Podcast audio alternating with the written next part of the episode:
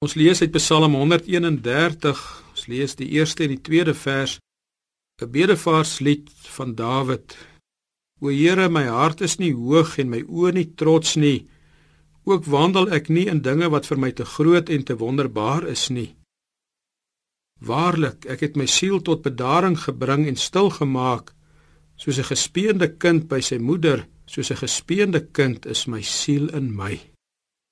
Lees dit weer vers 2: Waarlik ek het my siel tot bedaring gebring en stil gemaak soos 'n gespeende kind by sy moeder soos 'n gespeende kind is my siel in my. In die eerste vers van hierdie Psalm sê Dawid dat hy hom nie besorg maak oor dinge wat hy nie kan verstaan nie. Watter dinge Dawid nie verstaan nie, is ook nie nou ter sake nie, maar wel die dinge wat ons so onrustig kan maak dinge soos aanhoudende vrae oor jouself. Waarom gebeur hierdie dinge met my? Wat is verkeerd met my? Waarom is ek nie soos iemand anders nie? En uiteindelik word jy vasgevang in 'n bose kringloop van selfgesentreerdheid wat voortdurende onrus veroorsaak.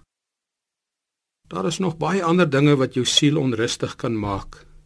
Dinge soos skuldgevoelens wat lei tot selfverwyte wat uiteindelik uitloop op selfveragting. En dan is daar die bekommernisse oor die dag van môre, onsekerheid oor baie dinge. Jy laat toe dat die rustigheid van jou siel versteur word, dat jy van binne af opgevreet word. Jy hoef nie so opgevreet te word nie. Jy hoef nie 'n slagoffer te wees nie. Met die hulp van die Here kan jy beheer oor jou gedagtes neem. Let op hoe daadwerklik Dawid optree. Waarlik, ek het my siel tot bedaring gebring en stil gemaak.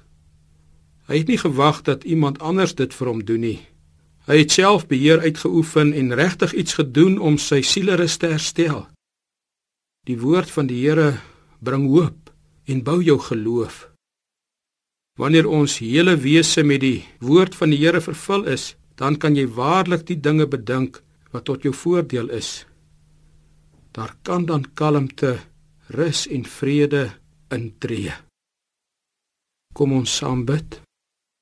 Onse Vader, ons loof U met ons hele hart. Ons bid U dat U ons sal bewaar van die dinge wat so bose kringloop in ons lewe veroorsaak. Die mekaar negatiewe gedagtes wat ons soos 'n groot ondier wil insluk. Bring U ons siele tot bedaring sodat ons ons siele tot bedaring kan bring. Amen.